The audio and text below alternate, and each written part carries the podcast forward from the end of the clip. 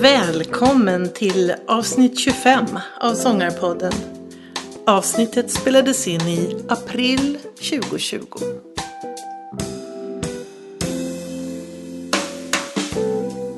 Det här avsnittet sponsras av Icing.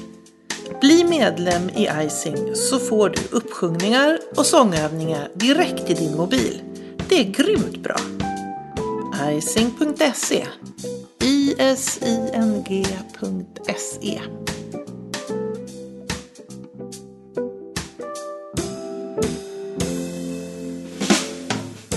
Han är en social visionär och en riktig eldsjäl. Bland annat var han med och drog igång Gatans kör. Hand i hand med det sociala engagemanget går hans egen musikaliska resa. Vi väntar på Magnus Hellner.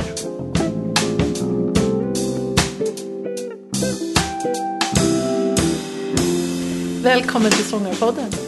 Tack så mycket. Du är eh, en person som har växt upp med musik. Ja. Musiken har nog varit väldigt viktig. Eh, båda mina föräldrar kommer från hem där, där man sjöng och spelade. Eh, För visst, jag läste att din pappa var en, en någonting som kallas sång... Sång... sång, sångarpastor. Sångarpastor. Och jag Ja. kom inte från kyrkligt håll så nu Nej. Mm. tänkte jag, jag tänkte börja med att fråga dig, vad är en sångarpastor? Eh, alltså förr så var det ju väldigt vanligt. Och nu, nu pratar vi fri, den frikyrkliga Mm, delen av Sverige. Och mycket landsbygd.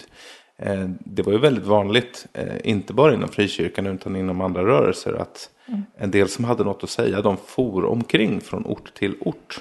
Jaha! Alltså de reste och, och, och, och stannade på en plats och, och drog sitt budskap.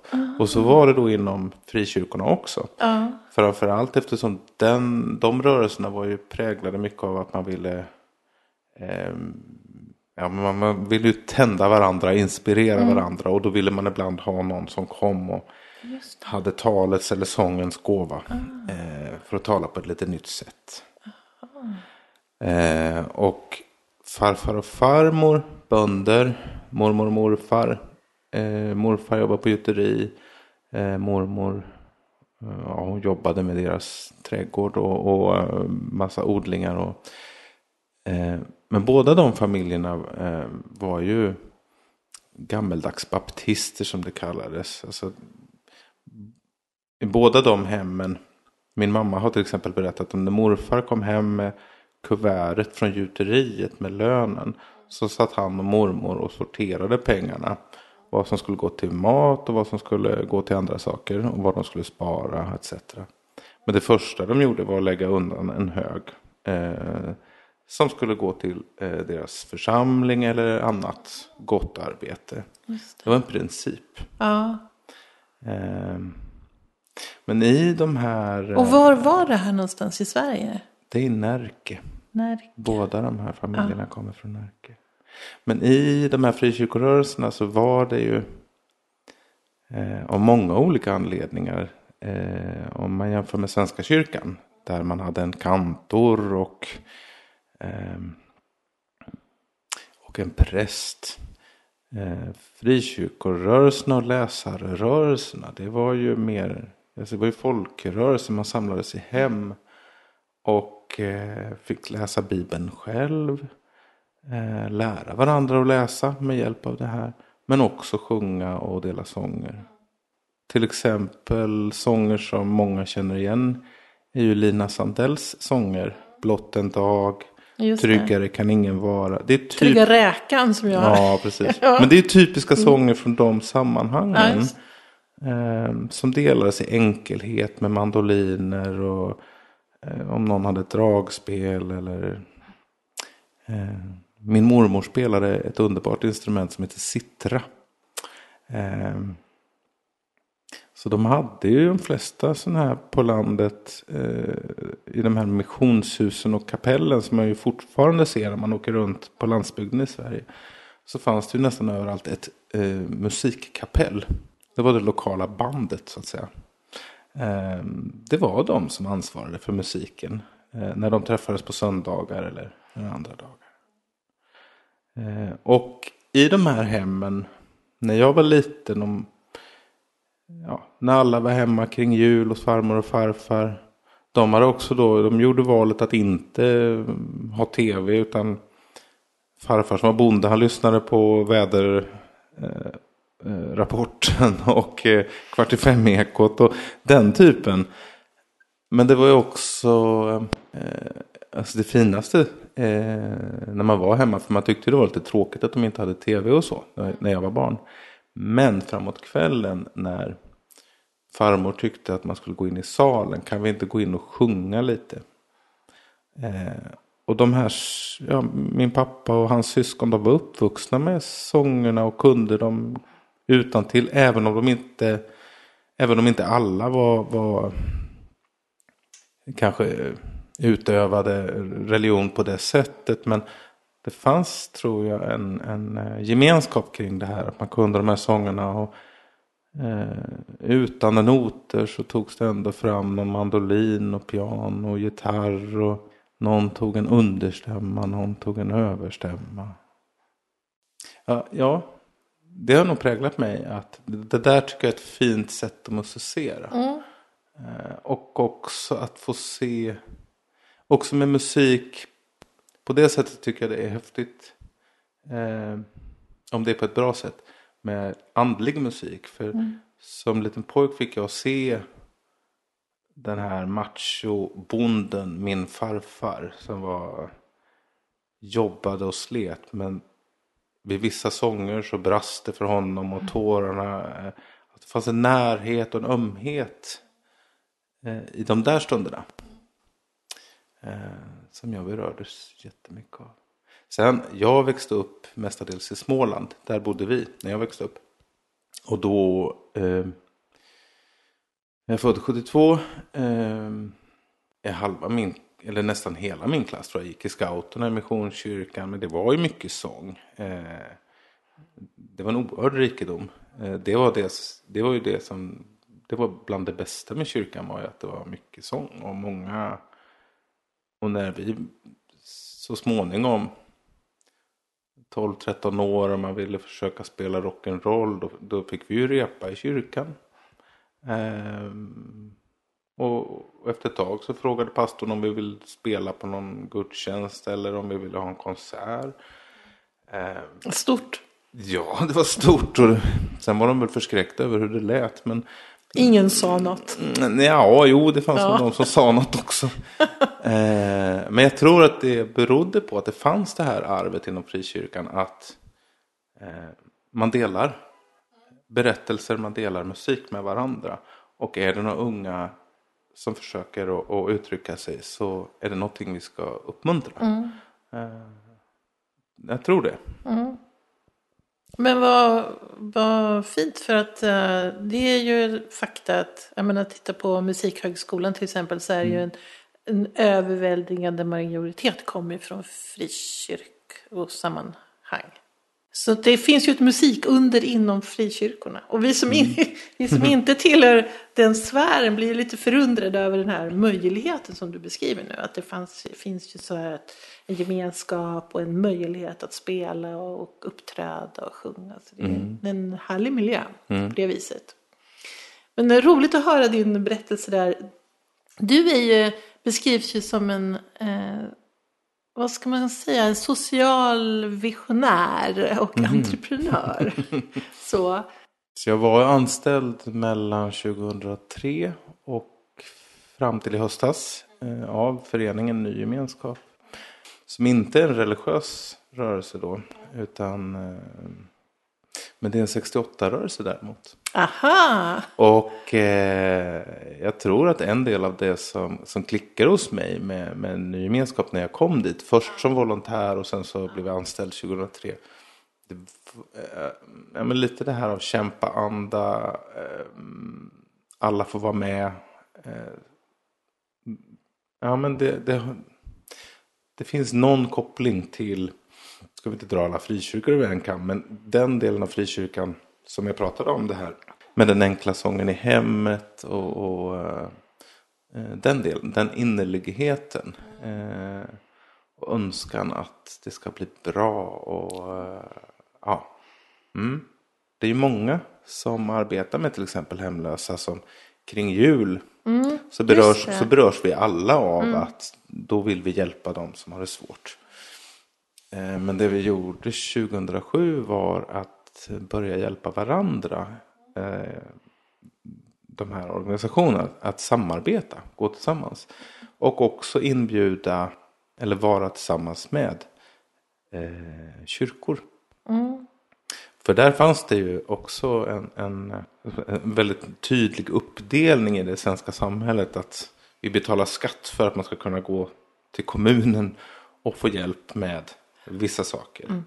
Vi, vill, vi har ju strävat efter att komma bort från att man ska ta av sig mössan i kyrkan och, och för att få hjälp. Eh, men det vi upptäckte under de där åren var ju att kyrkorna hade förändrats väldigt mycket. Det var inte något att ta av sig mössan utan det fanns en uppriktig längtan att få vara delaktig. En stor dos, tycker jag, ödmjukhet av att alltså, vi vill hjälpa de hemlösa men vi kanske inte kan. Så jag tror att det vi har fått jobba med eh, i spåren av det här jul i gemenskap så började det serveras luncher på lördagar. Och sen så har det startats fyra frukostcaféer. Eh, och sen har vi jobbat med eh, att öppna kyrkor nattetid för de som inte hör till vårt skattesystem.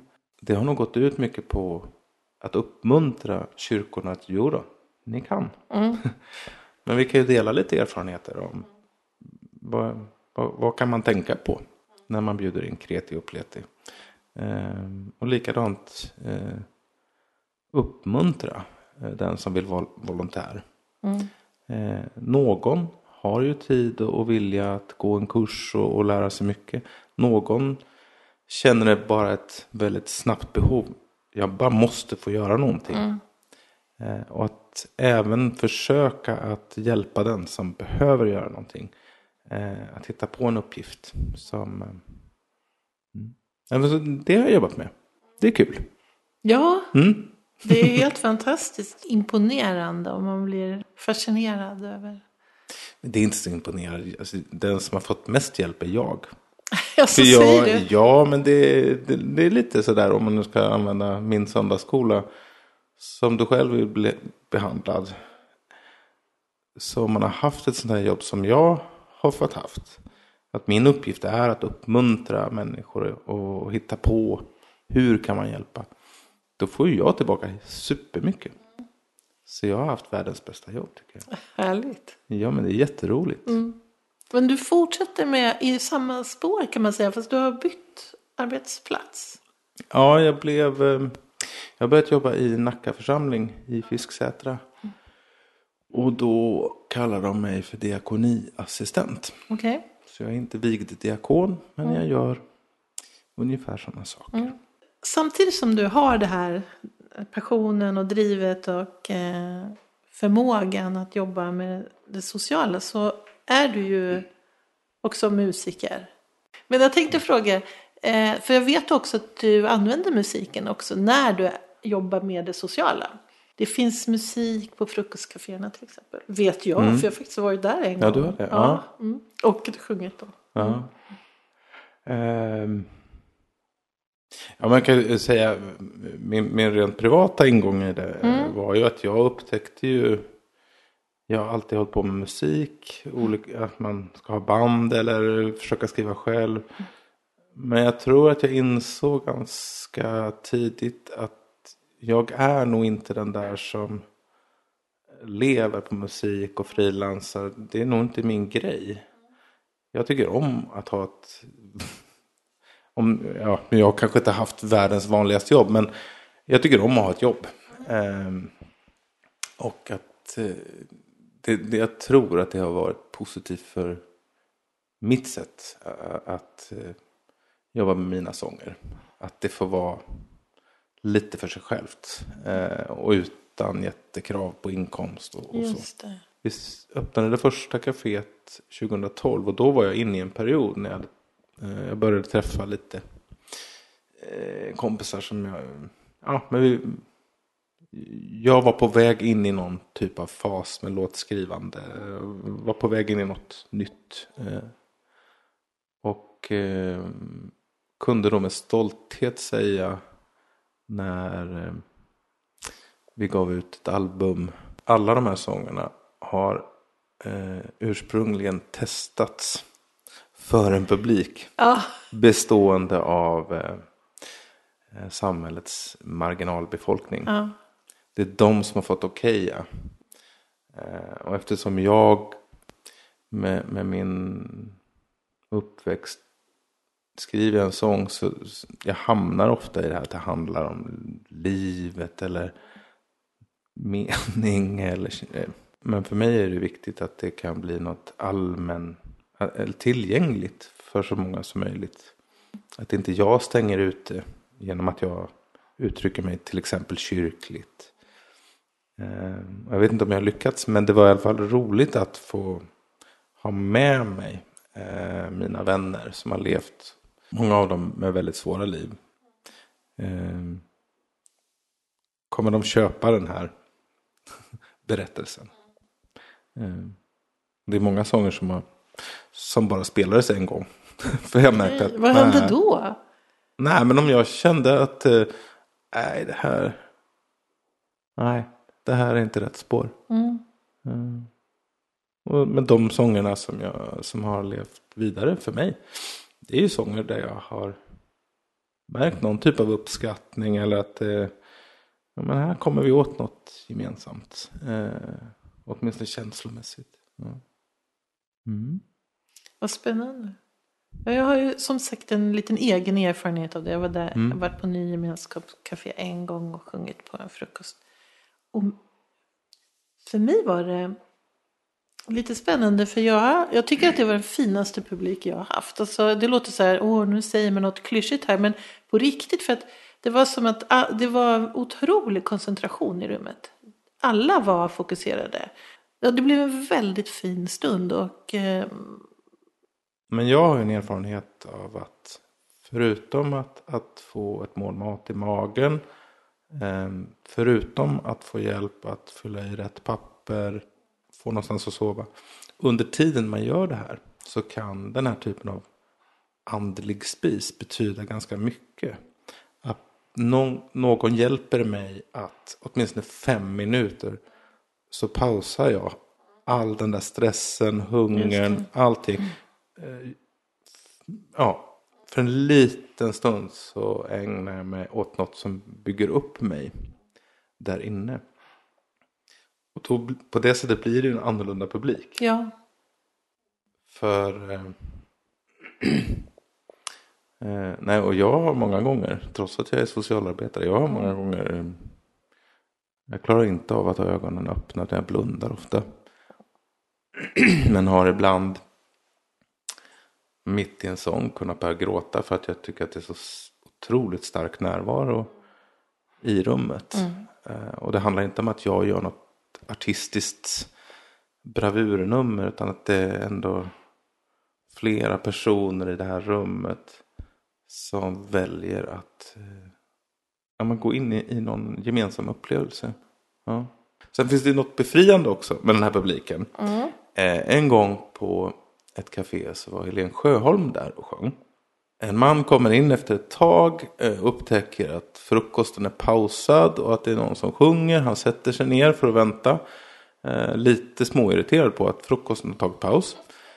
Eh, Helene sjunger ju helt fantastiskt. Och hon sjunger klart och så ägnar hon en lång stund åt att presentera sin pianist. Eh, och sen så ska hon då och nu ska vi sjunga en sång som heter och då avbryts hon av den här mannen. Ja. Ja men fan är du då? Och, och det var så otroligt befriande. Eh, eh, och hon fick säga, ja jag heter Helene. Eh, och jag är jätteglad för att jag får vara här och sjunga. Och Helene älskar ju det här. Mm. Eh, jag tror hon hit, ja, hittade, men det hjälpte ju henne i hennes eh, sångarglädje. Att eh, i det här rummet var inte hon den kända Helene Sjöholm, utan Nej. hon, hon var en Helene. Och någon undrar, eh, vem är fan du?" är du? Vad kul! Ja, jätteroligt. Mm. Vi måste prata om gatans röster. Eh, Ja, det var, ganska, det var ganska roligt kan jag säga. Eh, Och för de som inte vet, vet så kan man ju påminna om att det var ju en... SVT sände några program, en serie som Just heter. Gatans kör. Med Rickard det. Söderberg. Ja. Som då bjuder in Ja. personer i utsatthet att, att få... Mm, att få göra samma upplevelse som han själv upplevde att han fick göra. Mm. Han tyckte att det var ganska så tufft i skola och så här. Hans fristad, det var i, i kyrkokören när han var barn. Okej. När han fick sjunga. Eh, och det, det var hans ingång. Eh, men det var väldigt speciellt eh, när eh, ett produktionsbolag då som hade fått i uppdrag av SVT att, att göra det här. Eh, för då hade de inte, eh, det var Nej, men det var flera organisationer då som tyckte att det här var lite för besvärligt. eh, Med kameror och, och grejer. Och, Ja. och då hade alla tydligen hänvisat fråga Magnus på Ny Gemenskap. Eh, han är tillräckligt knäpp antar jag då. Men när de kom från det här eh, produktionsbolaget och vi hälsade på varandra och eh, jag bara ställde någon sån här artighetsfras. Jaha, mycket att göra? Och hon som ska vara producent säger Ja, ah, vi har precis avslutat Farmen och, och nu ska vi dra igång det här. Och, och då jag blev ju livrädd. Ja. Eh, av att det skulle vara något sensationslystet. Just det. Men det visade sig. Eh, och jag tror också. När vi startade här. Dels var Rickard helt underbar. Ja, nej, men han verkar ju fantastisk. Jag har aldrig träffat honom, men Nej. alltså, åh. Men sen kom, men också när de här karaktärerna som så småningom blev en kör, som idag heter Gatans röster, när, alltså, när de kommer med sin värme, nej men de har inga fina hus och gulliga familjer och de har inte alla tänder på plats, men eh, när de slappnar av så kan ju de ha bevarat någon, ja, det där som barn har. Och det smittade ju av sig på hela produktionen. Det blev ju schysst. underbart. Ja. Ja, men där finns det ju många som har sagt eh, att jag får gå på min körövning en gång i veckan. Ja. Eh, det är det som gör att jag orkar med. Eh, allt det här tragglet med socialtjänst eller vad det nu är. Det finns de som har brutit sitt missbruk eh, eh, mycket med stöd av att de är med i en kör. Alltså det blir en motiverande Det är helt underbart. Ja. Nej, det, det är oerhört hälsosamt. Men nu, det, efter den här pro- tv-produktionen så Mm. fortsätter kören. Ja, men det kändes ju helt omöjligt att inte fortsätta. Nej, det, det hade ju kanske varit lite cyniskt. Men det var inte, vi hade ju inte planerat för någonting. Nej. Ehm, Men eh, under produktionen så, så insåg vi ganska snabbt att det här måste vi hitta på ett sätt att fortsätta med. Mm. Så det gjorde vi. Och jag var ju med i det eh, fram till i höstas under den tiden jag var anställd. Dina egna skivor. Mm. Berätta. Berätta. Fem stycken. Ja, är det fem? Fem Jag eller tror- sex? Ja. Mm. Jag tror det finns en som inte finns på Spotify nämligen. Eh, De är också små berättelser i sig. Mm. Eh, Min första skiva, den gav jag ut, alltså den var färdig, masterad när jag fyllde 30. Härligt. Och det var en, det var då. Eh, det var som min bästa present att jag hade uppnått det i livet. Eh, eftersom det var en sån stor barndoms och tonårsdröm. Det här med rock'n'roll och stå på scen. Och att, men också med mitt eget, tänk att alltså, oavsett om ingen lyssnar på det här. så har åtminstone jag Fått till att det finns eh, ja, men en produkt med, med saker som jag har gjort. Det kan ingen ta ifrån mig. Eh.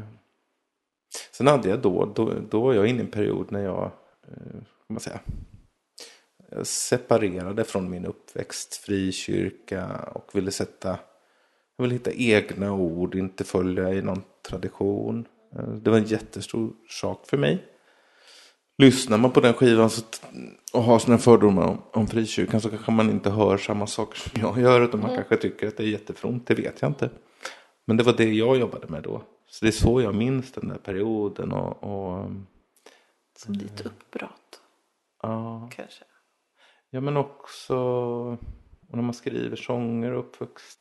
Jag är uppvuxen i en del av frikyrkan och med musicerandet i tonåren så blev det Eh, den delen av frikyrkan eh, poängterade mycket den goda förändringen. Mm. Och, och det kan ju vara positivt men när alla sånger går ut på eh, om du bara gör så här så, kan det, så, så löser det sig. Så blir det till sist ganska ointressant tycker jag. Mm, som kultur. Så för mig att eh, ta mig ur det tankemönstret när jag sätter mig ner och skriver en sång. Jag har nog inte kommit ur det än. Utan jag har nog det väldigt i mitt DNA att det jag gör ska, ja, ska skapa något gott eller, eller sådär. Men nu fattar inte jag. Jag. Du får förklara igen. Ja. Mantrat var att man ska göra på ett annorlunda sätt hela tiden. Nej men det är ju drömmen om drömmen om något bättre. Ja men tänk 68-rörelsen har väl också sina kampsånger från tidigt 70-talet. Ja. Eh, de går inte att lyssna på efter ett tag. Alltså det går att njuta av eh, kampviljan i dem. Just. Men efter ett tag så är det musikaliskt ganska ointressant. Ehm, för de speglar så mycket de här känslorna som de här människorna är i av att om vi bara tar i så kommer det bli bättre. Ja. Och för mig när jag växte upp i frikyrkan så, så var mycket att förutom att jag själv får hjälp av Gud så är det min, det är vår uppgift att rädda den här världen. Och vi Aha. måste berätta för folk Jaha. att eh, det finns en Gud som älskar dem och ta bara emot budskapet så, så kommer den här planeten eller vårt samhälle, ditt liv bli bättre. Okej. Eh, oavsett om man tror på det eller inte så blir det ganska ointressant att lyssna på efter ett tag. Eh, det, det kan bli väldigt befriat från nyanser och framförallt tycker jag det blir inte personligt. Eh, mm. Var det en förklaring? Mm. Ja. men nu förstår jag vad du menar. Ja. Det var den första skivan. Eh, ja, sen tog det ju några år. Ehm, eh, och så sen, sen kom ju den skivan som då inte finns på Spotify och sådär. Den finns bara upptryckt. Det var ett konstprojekt i sig, eller kanske mer ett socialt projekt. Jag hade börjat jobba på Ny Gemenskap. Eh, Det var i media så var det någon av de här jätteorganisationerna som sålde frimärken och det uppdagades att det var ju bara ett öre per frimärke som egentligen gick till eh, och man blev upprörd över det här. Och för mig blev det intressant. Jag har en kompis som, som jobbar inom företagsvärlden och vi började snacka om det. Ja men kan man göra en sån här, alltså vad man än gör det kostar ju pengar och någon måste ju stå för Ja. kostnaderna. Just det. Eh, men tänk om man kunde göra en produkt där den som köper den vet att alla pengar går till det det var insamling till. Mm. Ehm, Svårt. ja, men vi klarade av det. Aha. Och eh, vi gjorde det dessutom på eh, från första repet eh, med ett ihopsatt band till release så tog det sex veckor. Wow. Ehm, och allt är inte perfekt. Men vi klarade av det. det. Det gick att göra någonting Eh, naturligtvis fick man fråga alla medverkande då, kan du tänka dig att eh, göra det här gratis? Mm. Eh, och en förutsättning då var att vi, vi, vi satsar en helg och gör alla pålägg. Vi ska klara av det. Så det ska inte ta eh, vecka efter vecka och att jag ringer och ringer. Kan du komma och, och göra mer? Så det var också en sån här förutsättning då för att få loss de här krafterna. Ja, men det är en sån skiva och då hade jag kommit lite, då hade jag kommit, börjat jobba på ny gemenskap, hade lite mer av det, de, det kom in perspektiv i mina texter som handlade kanske mer om en mer direkt utsatthet. Om första skivan var nog kanske mer min egen själsliga utsatthet, ensamhet, den typen. Som en 30-årig vit man kan känna. Ehm, så hade det väl börjat komma in någon typ av perspektiv genom att jag jobbade på nygemenskap. Tror jag.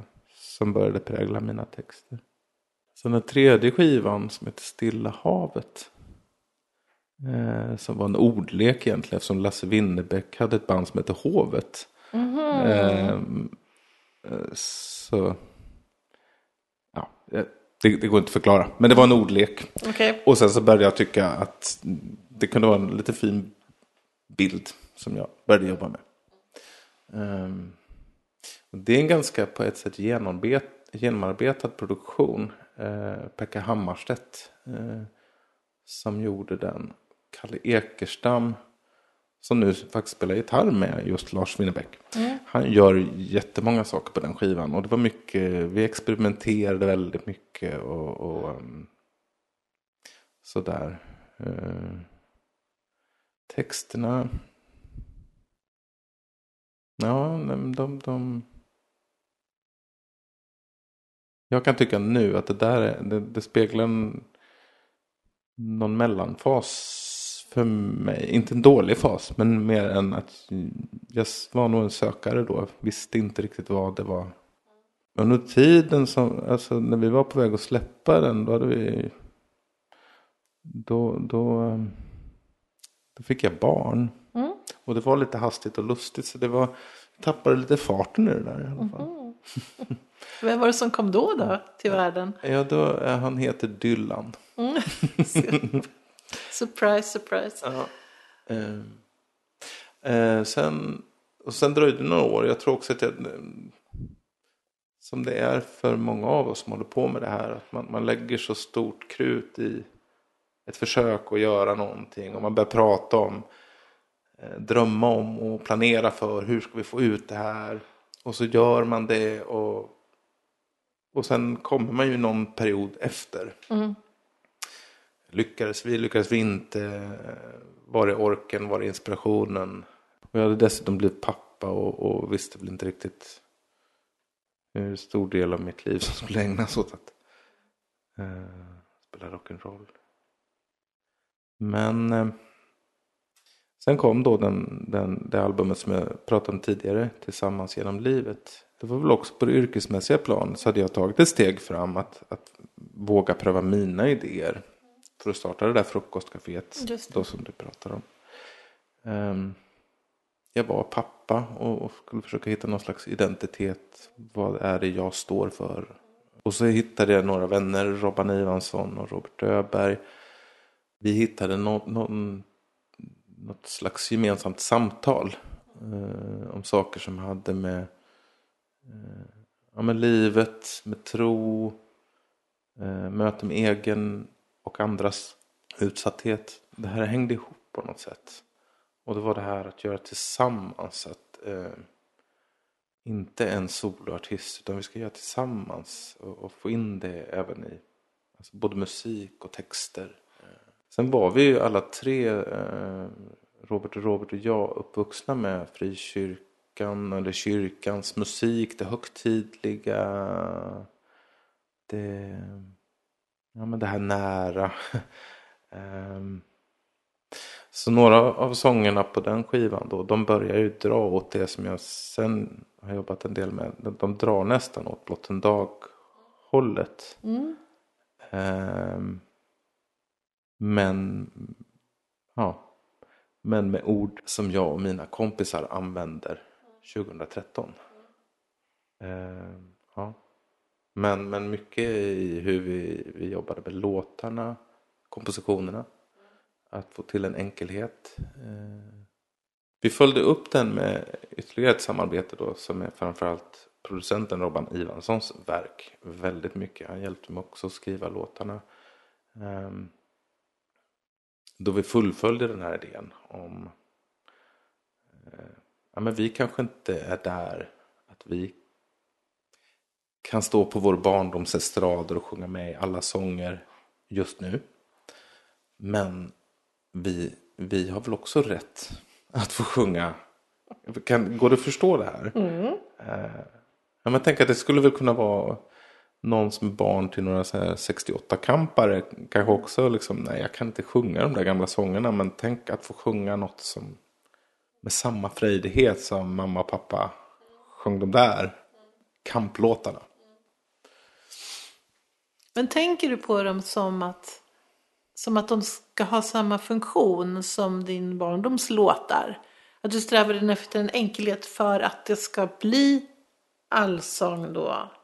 Eller att man ska sjunga med åtminstone? Ja, men den skivan eh, kom lite närmre 2015. Den tänkte vi väldigt mycket så. Mm. Att ha... Mm, men det känns ju ganska ovanligt. Mm. Sen, ja, sen, ja. samtidigt så ville vi inte att det skulle bli... Eh, alltså den skivan tycker jag, eh, och det är producenten har, har lagt ner han la ner oerhört mycket kreativitet i den. Ehm, så jag tycker det är jag är väldigt stolt över den skivan. För mm. jag tycker den är väl, väldigt väl eh, ihopsatt. Liksom. Mm. Eh, nej, vi vill inte att det skulle vara någon allsång på Skansen feeling. Inte så. Eh, men ändå. Men ändå. Så jobbade vi nog mycket med att ha enkla refränger. Eh, något som är lätt att ta till sig eller att eh, repetera. Så det fanns någonting av brukssånger i det, det. Fast vi ville göra det som enskilda konstverk ändå. Mm. Alltså, alltså, det, det, får inte påverka hur vi producerar det här. Sen tystnade jag igen. Eh, eller jag fick också mycket spelningar med de här två skivorna där 2013-2015. Men ja, livet. Eh, man måste hitta den där inspirationen och samarbeten. Som, eh, och det dröjde ju nu fram till 2019 då innan nästa eh, skiva. Den heter Hjärtats röst. Den var del av ett projekt som tyvärr inte tog den utveckling, eller har inte gjort hittills, som vi önskade. Mm. Men det var i, i, som en följd av att 2015-2016 kom många nya människor till Sverige. Mm. Där många också var lite yngre. Så, eh, ja men, och det, och det har att göra med det här som du och jag pratade om för en stund sedan. Om hälsa, eh, berättelser. Mm. Och där min vision in i det projektet var att eh, hur, hur börjar du dela liv? Eller hur bör... Och då tänkte jag på sången. Och också eftersom många som kommer från andra länder de är ju mer bekväma med att uttrycka sig kring andlighet eller en gud. Eller, alltså de, för dem är det ju mer naturligt än för oss som har vuxit upp i Sverige. Och som en del av det projektet då så fick eh, jag ett uppdrag att producera en skiva. Mm som kunde användas som utgångspunkt för att få igång till exempel körer. Kanske inte att man skulle sjunga de sångerna men att det kunde vara inspirerande. Eh, så. Då jobbade jag med en producent som heter Andreas Hedén. Eh, och han kom från konstmusiken Eh, och jazz och improvisation.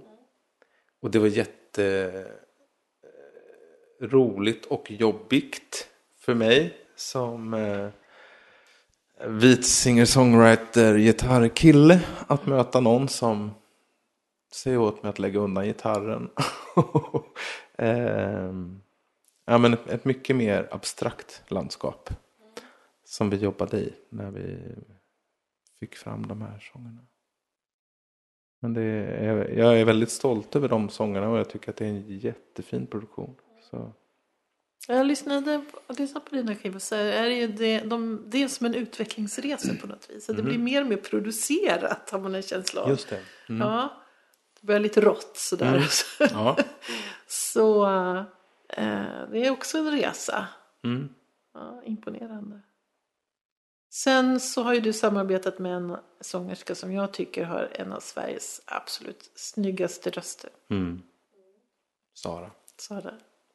Isaksson. Ja, det är helt otroligt att hon har ställt upp.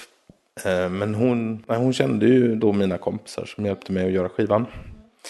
Eh, Men hon är ju väldigt selektiv. Eh, Så det var ju någonting hon gillade med låtarna förstod jag. Som gjorde, jag tror den ena av skivorna som, där hon är med.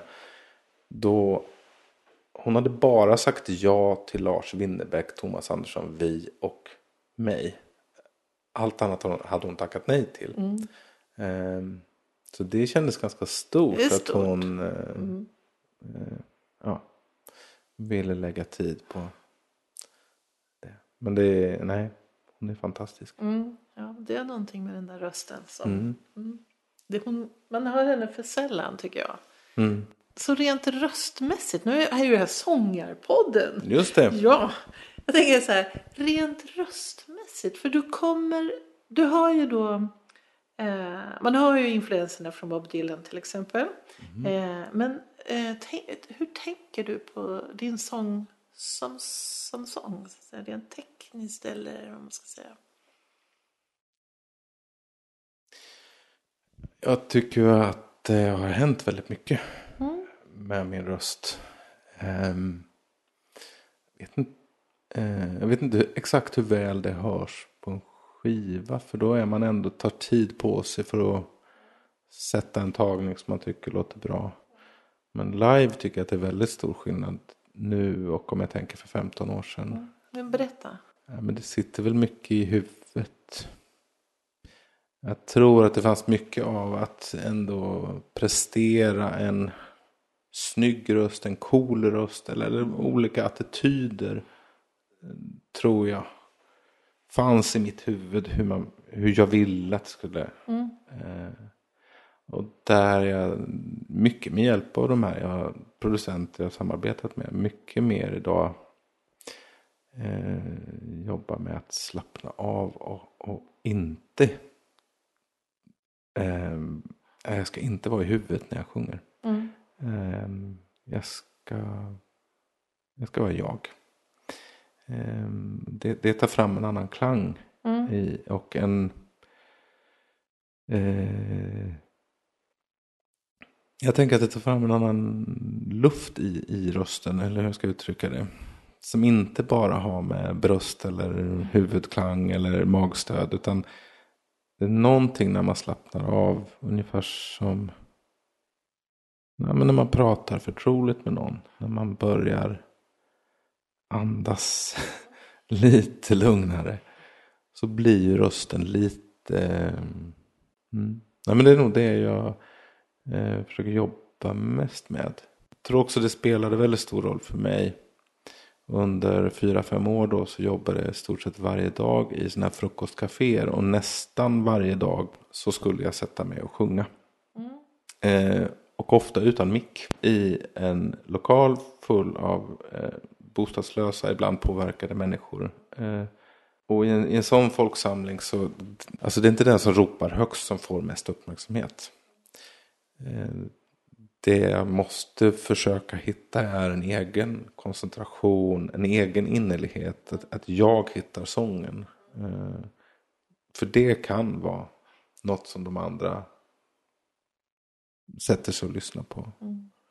Eh, Sen har jag jobbat mycket med det, att våga ta det lugnt. Eh, och våga lyssna eh, själv. Och på något sätt sjunga i ett lyssnande. Jag vet inte, det kanske låter jätteflummigt. Men, mm, nej, men lite mer go with the flow. Alltså på något sätt vara där jag är. Och, och så sjunga på det sättet som det känns där.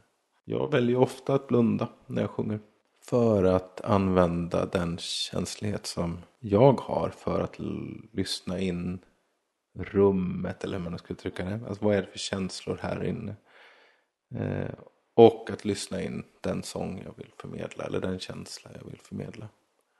Eh, att jag åtminstone, och det är kanske jag som har någon ADHD eller någonting. Men att ta bort ett intryck, att stänga ögonlocken. För mig hjälper det ibland jättemycket. Eh, ja. Det blir en lång utläggning. Ja, men det, det, det är bra. Mm.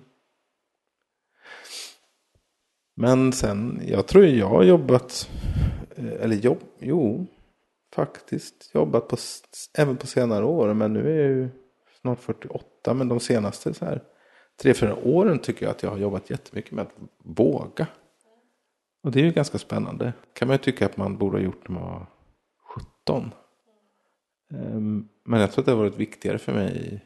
Jag har upptäckt att jag är ändå eh, feg.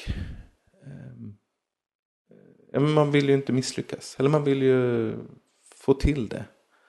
Att våga mm ta chansen. Och kanske pricka fel ton. Men då har jag i alla fall gett mig ut i det. Eh, för, för nej, jag tror eh, i alla fall min musik. Eh, den blir bättre när jag vågar. Den behöver det lite grann. Mm. Sen tänker jag att alla vi som tar ton på något sätt. Vi, vi brottas ju med självförtroenden och bekräftelse och, och eh, det finns ju där. Eh, jag tycker att det, det har påverkat min röst också när eh, jag också på senare år tror jag lite mer börjar känna mig trygg i att men min sång är bra. Alla behöver inte tycka att den är bäst, men den är bra. Mm. Jag tror att det har funnits mycket mer av kamp i mig innan. Ehm, eller osäkerhet. Ehm, att jag har ägnat mig för mycket åt att fundera på vad folk mm. tänker. Ehm, och att jag lyssnar nog mer på mig själv om man ska vara helt ja, men ett sunt ego när jag musicerar och när jag sjunger. Huvudsaken är att jag tycker att det känns äkta och, och bra. Då blir det så bra som möjligt för ja. den som lyssnar. Ja. Vad skönt att känna ja, så. Det är inte varje dag det känns så. men, men det är i alla fall en strävan. Ja. Mm. Ja, men jag tror det lite grann. Ändå. Jag tror många som sjunger har den här Eh, det är så känsligt och ligger så nära ens eh, personlighet. Och mm. Så är det härligt att komma till lägen när man känner att nej men, det handlar inte om prestation. Det handlar om att jag vill sjunga. Och det får duga som det är. ja men det tror också det, det är ju man upptar ju någons tid. Ja men de kan ju gå om de inte om ja. de inte tycker att det är bra. Eller? Jo, men där har jag också då, jag tror att det är... Eh, alltså, när jag då ofta har jobbat eh, och bjudit in till till exempel ett frukostcafé för hemlösa. Ja. Komma in i värmen en stund. Mm. Det är klart. Då vill jag ju inte att någon ska känna, jag går ut i kylan igen för att den där idioten kan inte sjunga. Eh, eh, så det, det, tycker jag också är en nerv i, i mm. den typen av, av musicerande mm. med den publiken. Men det här har jag också ju, eh, ja, det, det, har jag känt att det enda jag kan göra är att göra så, så bra som möjligt. Så får man, så får man väl kolla efteråt och, och, och lära sig. Men eh, det är också då om jag vågar mer gå in i musiken än att spela för. Att jag är i min sång. Jag sluter mina ögon. Jag, jag delar mitt uttryck. Och där kan jag tycka att ju mer jag vågar själv gå in i känslan mm. desto mer intressant eh, blir det. Mm. Mm. Mm. Jag brukar alltid ha tips. Den som jag pratar med får tips av Sångarpoddens lyssnare när det gäller Mhm. sång. Och då får du välja liksom vad som helst. En sång? Nej, Nej. inte så. Nej, Ett, säg. eh, ett råd. Ett råd. Mm. Du kan få tips om en, en låt också. Eh, jag fick en gång i tiden eh, så gick jag en utbildning i kommunikation och eh, hon som ledde den eh, hon pratade mycket om och det handlade framförallt om att, att tala. Hon pratade väldigt mycket om, om och försökte att få ut det till oss att inta din plats. Sätt ner fötterna ordentligt. Känn att du balanserar. Eh, publiken har tid att vänta 15 sekunder på att du har hittat det där. Eh, och hon gav oss bilden av ett träd. Att alltså, hitta din plats och, och känn rötterna ner. Att nu står jag här och växer som ett träd. Ehm, eh, det, men, och det här, jag har ju fått liknande råd av erfarna musikanter genom åren när jag har varit nervös för olika saker. Men ta tid, strunta i mellansnacket. Det är, eh, alltså, ta din tid. Och så när du börjar, då är vi med.